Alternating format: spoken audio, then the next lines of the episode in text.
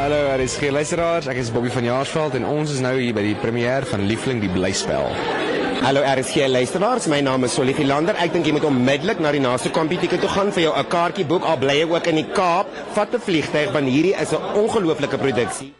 Die rolprent Liefling het hulde gebring aan die goue era van ligte Afrikaanse musiek. Jy weet dat ek nie sonder jou kan bestaan.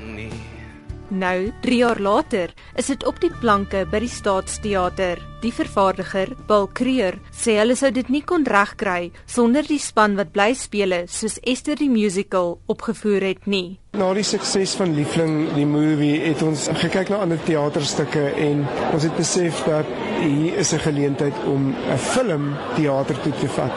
Omdat dit die produk reg is en ek dink weer eens is Suid-Afrika reg vir goeie teater. Liefling se rooi tapijt premier was 'n glansgeleentheid wat baie toonaangewende mense in die vermaaklikheidsbedryf bygewoon het. Ons het na die tyd vir 'n paar teatergangers gevra wat hulle daarvan gedink het. Hallo, ek is Ingrid Gersbach en ek was mal oor die show. Hallo, my naam is Johan Grobler. Die musiek van Johan Huystek tesame met Michiel Root se verwerking vir die verhoog was regtig wel fantasties geweest. Ehm um, aan die begin het ek gedink die kontinuïteit is 'n klein bietjie stadiger geweest, maar ek dink dis ook nou oor dit die eerste vertoning was. Ek dink dit gaan definitief verbeter en die gebruik van die verhoog spesifiek was besonder en iets wat die Staatsteater in 'n lang lang ruk nie gesien het nie. Ek is Niels Jordaan en die musiek is waarmee ek kon vereenselwig uit my kinderjare uit. My naam is Joopie Haman. Ek het op 'n stadium gevoel ek het trane my oor vir al die laaste toneeltjie waar hulle mekaar op die treinspoor kry en so. Maar hoe vergelyk dit met die 2010 rolprent weergawe? Ek dink daar's 'n paar goed wat mens moet na kyk en dit is nog steeds lojaal te wees aan die storie wat die gehore van die film gewoond aan is, want dit is wat hulle verwag en ek dink hulle het dit reg gekry met Liefling. Ehm um, wat ek geniet het van hierdie is anders as die fliek is, dit was persoonlik. Dit is heeltemal anders as die fliek vir my. Ek dink mense moet tog verstaan dat in die teater kry jy hierdie effek van jy is deel van die ding. Kyk op 'n fliek, jy kan pause, jy weet geraas kan jy steur jy kan uitloop by 'n movie uit, maar as jy in 'n teater sit, die gehoor is half die ander deel van die geselskap. So ek hoor heeltyd hoe sê die mense agterna, dis selfs beter as die fliek, dis selfs beter as die fliek, maar dink dit is daai ondervinding van so deel daarvan wees. Kreer voel nie 'n mens moet dit met die fliek vergelyk nie. Wat ons met die teaterstuk gedoen het is ons het al die onnodige goedjies afgegooi en net gefokus op die liefdesstorie. So dit is gebaseer op die film, maar dit is 'n teaterstuk met sy eie identiteit.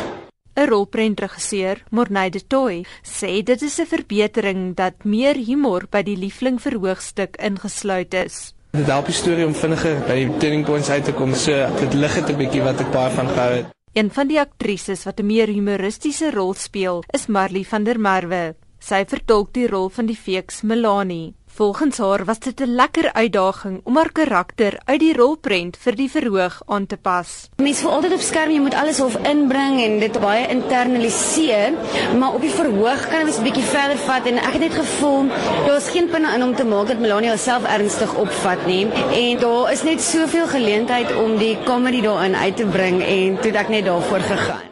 Daar is heelwat nuwe, maar tog bekende gesigte in die verhoogstuk, maar een onbekende gesig is die aktrise wat die titelrol van Liefling vertolk. Sy is tydens 'n talentkompetisie gekies wat op die betaalkanaal Kyknet uitgesaai is. Die toesigvervaardiger, Margriet Albrecht, verduidelik hoe dit gebeur het. Paul en Linda het eendag by kyk net aangeklop en hulle het gesê hulle gaan nou liefling die movie na die staatsteater toe vat as 'n blyspel en hulle wil soek na die nuwe liefling want Lika Benning kan dit doen nie.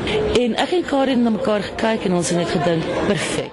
Maar Bronner sê sy het amper uit die audisies onttrek. Toe ek aangekom het, het ek gesien dis 'n TV-program en toe besef ek, o, ek weet nie of ek dit meer wil doen nie. So ek wou toe eers onttrek het en ag, ek het nie eens maar net gesê probeer dit. Jy kan niks verloor nie. Die reeks se aanbieder, Solly Philander, sê hy het dit alles gesien. Sy het na die repetisies toe gekom en half omgedraai en weer geloop en so heeltyd met homself gepraat en weer teruggekom en deur die hele proses het sy verskriklik sien in die agter sê ek 'n bietjie ge-worry nogal oor hoe gaan die girl nou cope met openingsaand en so aan maar sy is vir my ongelooflik. Ek voel asof sy my eie kind is. Ek is so trots op haar. Sy kan my dogter wees. Al is dit 'n kommersiële stuk, glo Kreer Liefling dra by tot Afrikaanse teater. Met een van ons voorskoue het ek met 'n paar mense gesels wat vir die heel eerste keer in hulle lewe in die opera teater is en hulle bekke het oopgegaan en kon nie glo wat hulle gesien het nie.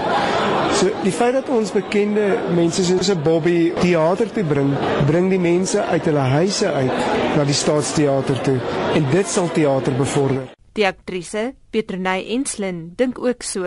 Ek moet vir jou sê ek gaan gereeld teater toe en hierdie spesifieke produksie is seker die beste een wat ek in 'n jaar gesien het. Ek dink ons moet bietjie ons vlerke sprei en nie byvoorbeeld net rugby kyk nie, ons moet teater toe gaan en ons kinders ook daaraan blootstel.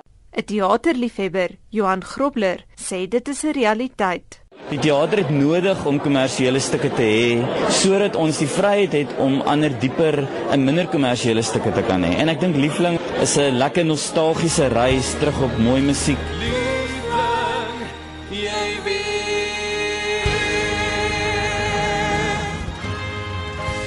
Ek is Anne Marie Jansen van Vuren in Johannesburg.